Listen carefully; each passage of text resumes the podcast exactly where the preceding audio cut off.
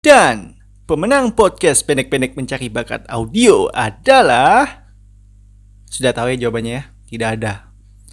Padahal saya sudah menyiapkan uang 300 ribu rupiah dan uangnya beneran ya, bukan uang monopoli.